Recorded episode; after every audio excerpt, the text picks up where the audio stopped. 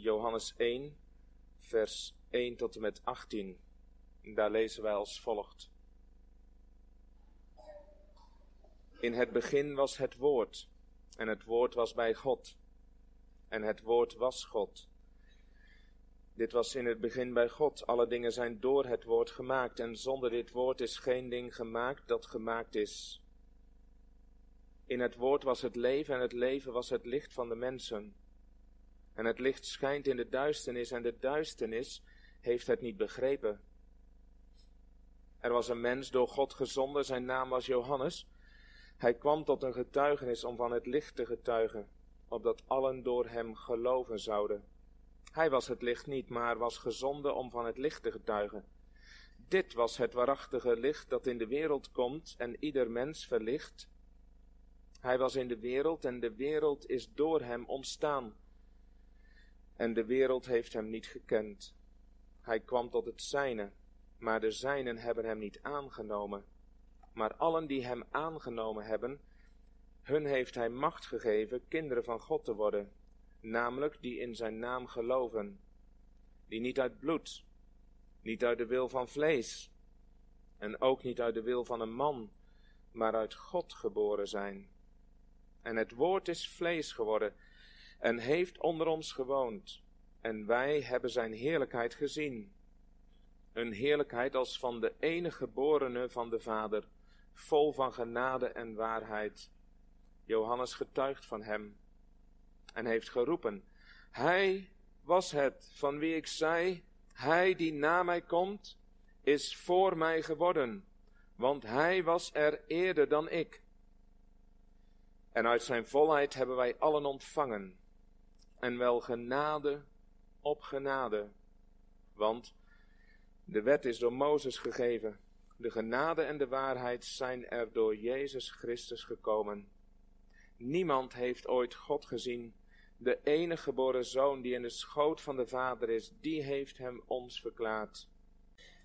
Lieve gemeente, de tekst voor de preek voor deze morgen vindt u in het gedeelte dat we hebben gelezen uit uh, Johannes 1. Ik lees u de versen 11 tot en met 13. Johannes 1, vers 11 tot en met 13. Hij kwam tot het zijne, maar de zijnen hebben hem niet aangenomen.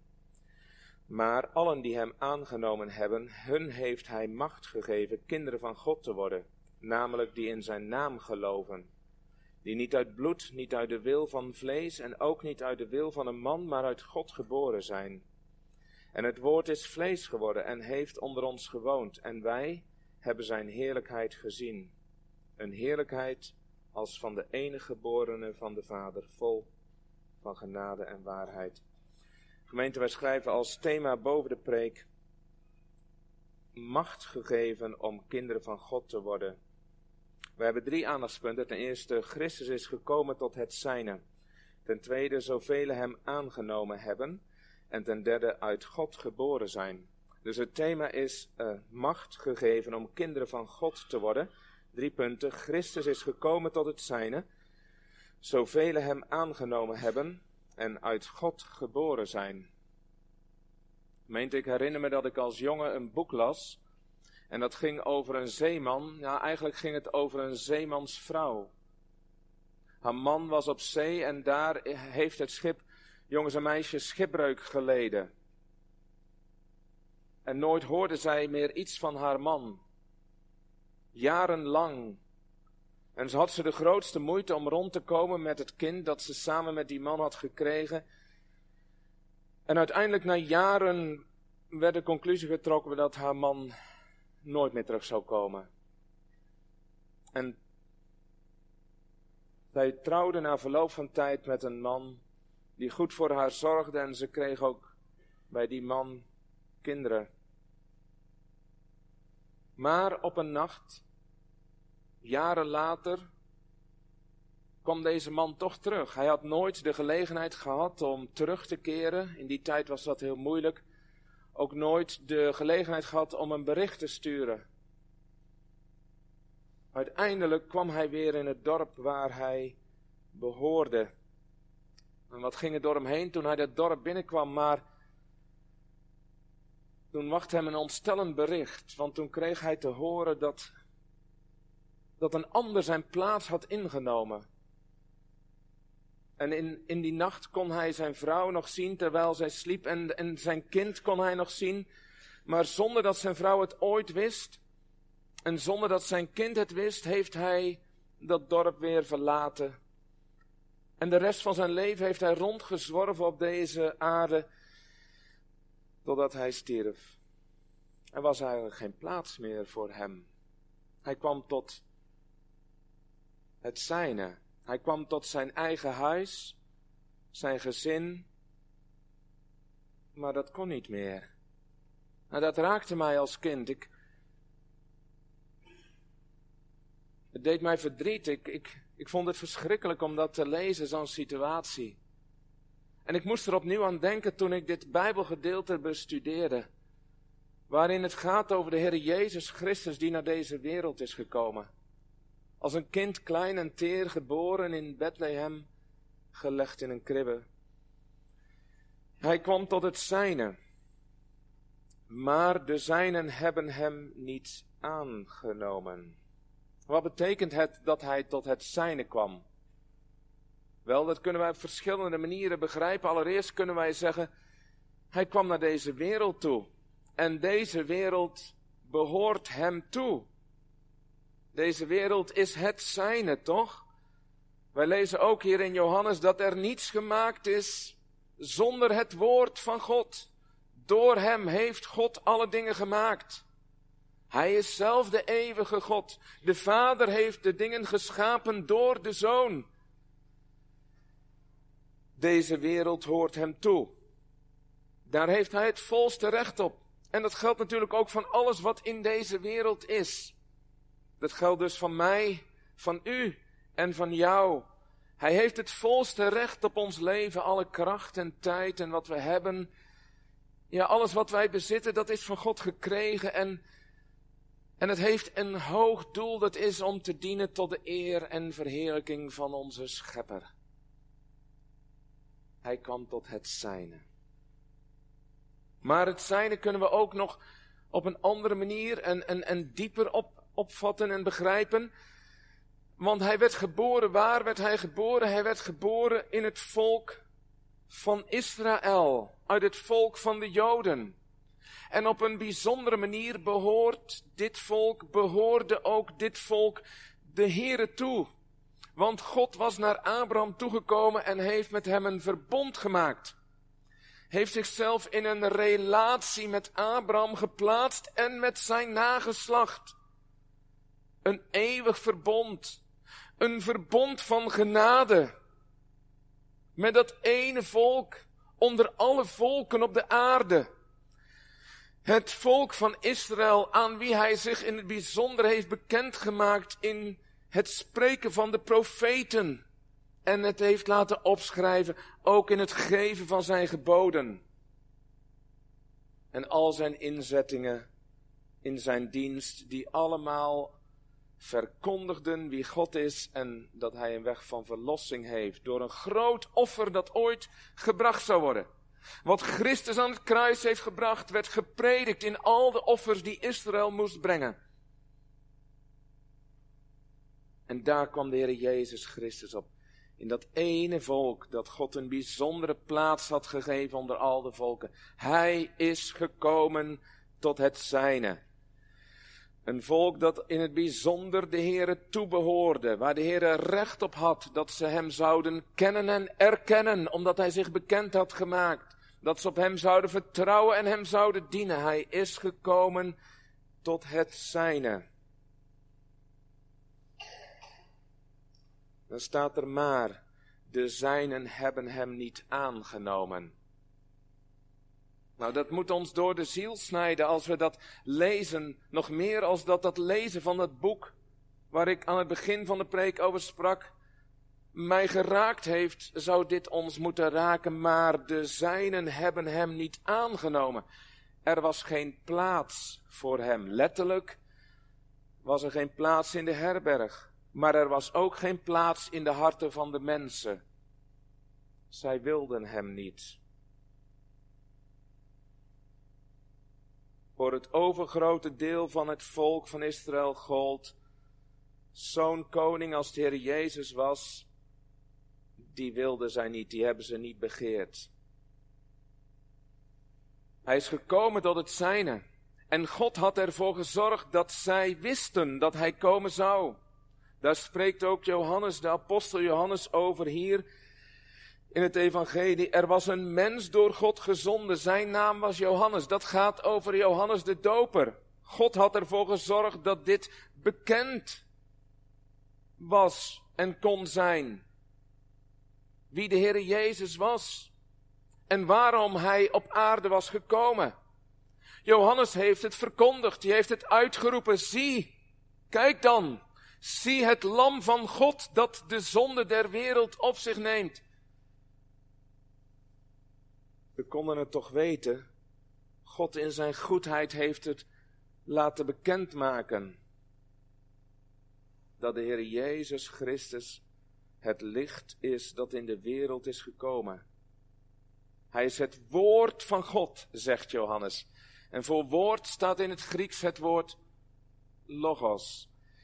Dat zou je ook kunnen vertalen met de wijsheid van God. Het woord, ja, door woorden communiceren wij, maken wij dingen bekend, gaan mensen begrijpen en verstaan, weten wie we zijn. En zo ontstaat er kennis, wijsheid. Christus is door God in deze wereld gezonden. We lezen in het laatste vers van ons gedeelte, niemand heeft ooit God gezien. De enige geboren zoon die in de schoot van de Vader is, die heeft hem ons verklaard. Uitgelegd zou je kunnen zeggen. Hij is de wijsheid, het woord van God. Hij openbaart, hij maakt bekend wat wij niet weten uit onszelf. Ja, daar is de Bijbel ook duidelijk over. De natuurlijke mens begrijpt niet de dingen die van de geest van God zijn. Ze zijn hem dwaasheid. Maar de Heer Jezus wordt licht genoemd en het licht schijnt in de duisternis. Ja, licht. Dat is een geweldig woord. Als wij de duisternis van de nacht om ons heen voelen als een beklemmende greep. Oh, dan zijn we zo blij als er ergens licht is. Daar kijken we naar. En als het dichterbij komt, dan verheugen we ons erover. Licht betekent leven, toch? Licht betekent bevrijding uit de greep van de duisternis.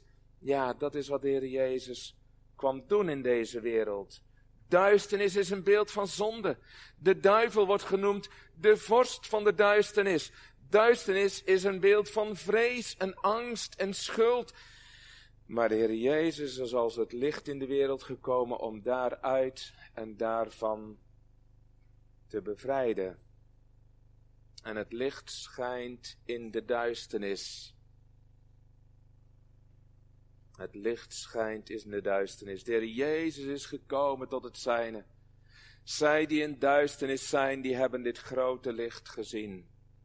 Maar er staat, de duisternis heeft het niet begrepen. We komen tot onze tweede gedachte, zoveel hem aangenomen hebben. Christus is gekomen tot het zijne. Waarom is hij gekomen? Om mensen macht te geven, om kinderen van God te worden. Macht, dat zou je ook kunnen vertalen met het recht gegeven, de volmacht gegeven. Dat wat wij door onze zonde verspeeld hebben in de zondeval en in onze persoonlijke zonde, dat brengt de Heer Jezus terug. Wij hebben door onze gehoorzaamheid aan de boze hem onze koning gemaakt, de overste van deze wereld. Maar de Heer Jezus bindt de strijd met hem aan en vermorzelt zijn kop en stoot hem van de troon. En zo verliest de boze zijn recht op degene die de Heer Jezus toebehoren en te voet vallen. En krijgen zij recht om kinderen van God te worden. Christus is gekomen tot het zijne om dat te bewerken. Maar daarvoor is het nodig dat de zijnen hem aannemen. En dan staat hier in dit gedeelte, maar de zijnen hebben hem niet aangenomen. Dat is Zo onbegrijpelijk eigenlijk, waarom nemen de zijnen hem dan niet aan? Als het dan zo is, en zo is het, dat hij is als een licht dat schijnt in de duisternis om te bevrijden uit de greep van zonde en dood. Waarom nemen de zijnen hem dan niet aan? Licht betekent leven. Het kennen van God door Christus. Bevrijding, verlossing, vergeving van zonde. Waarom dan niet? Waarom zou een mens dat niet willen? Ja, laten we proberen dat te begrijpen. En de Bijbel legt het ons uit. Want de Bijbel zegt dat hij een licht is. Maar, lezen wij in Johannes 3, de mensen hebben de duisternis liever dan het licht. waarom dan? Omdat hun werken boos waren. Daarom. Begrijpen we dat, kinderen? Ik zal een voorbeeld gebruiken. Als er iemand is die wil inbreken om dingen te stelen. En hij komt s'nachts in het duister van de nacht naar een huis toe. En probeert dat huis binnen te breken, maar terwijl hij daar bij dat huis komt, flitst er een lamp aan. Want er zit een sensor die ziet dat er beweging is. En een helder licht straalt daar ineens in de nacht. En die man die wil inbreken in het huis, die staat in dat licht. Dan zegt die, die dief, die inbreker natuurlijk niet, oh geweldig. Tjoh, dat is fijn, nou kan ik zien, nou kan ik tenminste zien wat ik doe. Nee, dat wil hij helemaal niet. Hij is geneigd om weg te rennen en misschien, waarschijnlijk doet hij het ook wel. Want hij wil het licht niet, omdat zijn werken boos zijn. Dat is het. De zijnen hebben hem niet aangenomen. De Heer Jezus is als een licht. Maar licht ontdekt natuurlijk. Licht laat dingen zien. De Heer Jezus laat zien wie dat wij mensen zijn. Hij heeft het aan de fariseeën laten zien. Hij zegt, jullie zijn wel heel godsdienstig, maar jullie zijn huigelaars. Jullie zijn net als een graf. Van buiten is het mooi, maar van binnen is het allemaal dood. Het stinkt. En daar werden ze zo ontzettend boos om. Dat ze hem uiteindelijk aan het kruis hebben geslagen. Dat wilden ze niet horen. Ze hebben de duisternis liever gehad dan het licht. Omdat hun werken boos waren. Dat is de oorzaak. Begrijpt u? Dat komt natuurlijk ook vanmorgen naar ons toe. Hoe is dat in ons leven? De Heer Jezus die wil niet alleen één keer voor het eerst in ons leven schijnen, maar Hij wil het elke keer weer en meer doen. En dat is ook nodig. Want door het licht dat Christus in ons leven schijnt, gaan we zien wie we zijn. Dan gaan we zien dat wij tegen de Heer gezondigd hebben. Dat onze natuur zo is. Dat wij een verdorven natuur hebben. In onszelf. Hoogmoedig. Zelfzuchtig. Egoïstisch. In plaats van dat we willen leven voor God en voor onze naasten. En dat, is, dat, dat, dat doet natuurlijk pijn. En daarom is er altijd de neiging om, om dat te ontvluchten. Die inbreker die rent snel weg. Want hij wil niet gevangen zijn in het licht. Hij wil niet ontdekt worden. En, en die neiging hebben wij ook. Maar toch is het nodig. Doet de Heer dat dan om ons pijn te doen? Nee. Maar dat wij tegen die zwarte achtergrond van onze situatie het licht van Christus des te heerlijker zouden ontvangen en, en zien. En, en dat we dus zullen zien hoe nodig wij de Heer Jezus hebben. En dat hij daarom al alle waarde krijgt en, en, en eer en aanbidding die hij waard is om te ontvangen in ons leven. Daarom doet de Heer het. Zodat wij naar de Heer Jezus toevluchten. En dat wij in het licht van zijn woord en van hemzelf zullen breken. Dat die dief, terwijl de lamp aanflitst, hij daar in het gelicht als het ware gevangen wordt, dat hij breken zou. Dat hij daarin eens zou inzien waar hij mee bezig is. En als het ware in tranen uit zou barsten. Ja, dat, dat zou toch ook kunnen? En nu gaan we begrijpen waarom er staat, maar allen die hem aangenomen hebben. Hey, Er stond toch, de zijnen hebben hem niet aangenomen. Maar allen die hem aangenomen hebben, ze zijn het toch. En hoe komt het dan? Dat er toch mensen zijn die hem aannemen. Net, net als die dief die in tranen uitbarst, dat er mensen zijn die breken van binnen. Die verdriet krijgen over hun zonde. Ja, dat is het geheim van het werk van de Heilige Geest. De Heilige Geest overtuigt van zonde. Wat ik altijd wil ontkennen, nee, zo erg is het niet. En, uh, en, allerlei manieren om weg te kruipen, dat lukt dan niet meer. Al de weerstand om het te ontkennen, daar breekt de Heilige Geest doorheen. We noemen dat het onweerstaanbare werk van de Heilige Geest. Maar die hem aangenomen hebben, die heeft hij, hun heeft hij macht gegeven kinderen van God te worden. Zij krijgen het terecht om kinderen van God te worden, want ze hebben Christus aangenomen. Ze hebben hem als het ware met armen van geloof omhelst. En nu behoren ze hem toe. En alles wat van hem is, is van hen. Daar ligt het terecht. Het fundament van aangenomen worden ligt in het werk van de Heer Jezus Christus. Ja, zo, daar staat die inbreker en oh, hij barst in tranen uit. Wat ben ik toch aan het doen? De deur van het huis gaat open en de eigenaar komt naar buiten. En in plaats van die man de huid vol te schelden of de politie te bellen, het eerste wat deze persoon doet is, als hij die gebroken man ziet staan, hij loopt naar hem toe. En hij slaat een schouder om een hand om zijn arm om zijn schouder heen. En hij zegt, ja, wat je deed, wat je doen wilde is verkeerd. Maar ik vergeef het je. Zo vindt een zondaar genade. Allen die hem aangenomen hebben, hun heeft hij macht gegeven, het recht gegeven, kinderen van God te worden. Ja, maar hoe gaat het dan? Namelijk die in zijn naam geloven. Dat is het. Daar is de sleutel, de scharnier. Geloven, een ander woord daarvoor is vertrouwen. Die vertrouwen op het werk van de Heer Jezus, op zijn naam, op het werk dat God in hem heeft gedaan.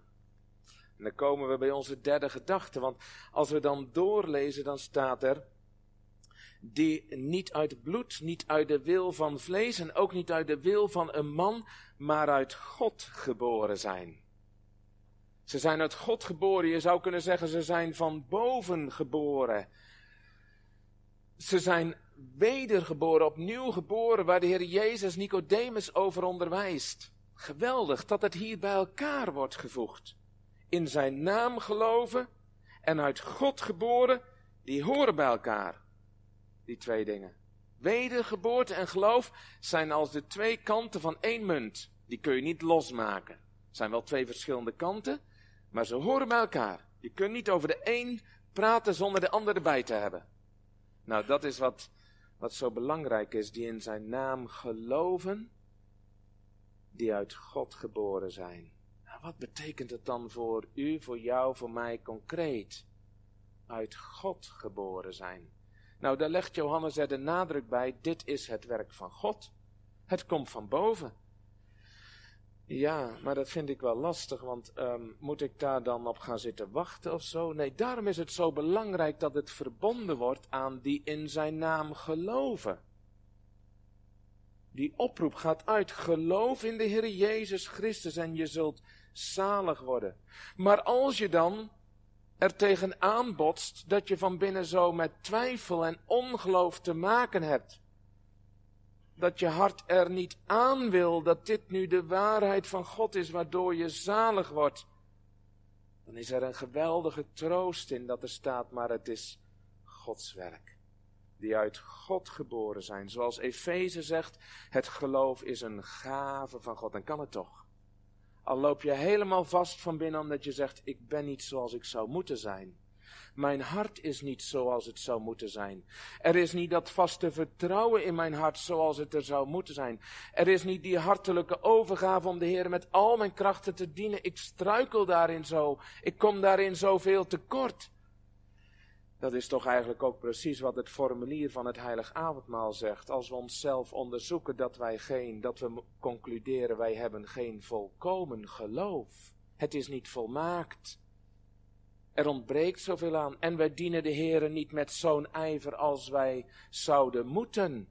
En kan dan zo iemand toch zalig worden? Ja, ja, omdat het genade is. De genade is door Jezus Christus geworden. Genade is zo'n zoet woordje dat betekent onverdiend. Al zit je nou hier en moet je jezelf aanklagen.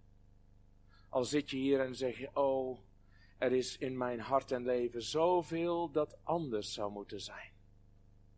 Maar je bent gebroken in het licht van Christus in het licht van het woord. Je begrijpt iets van de tranen van die man die daar staat gevangen in het licht.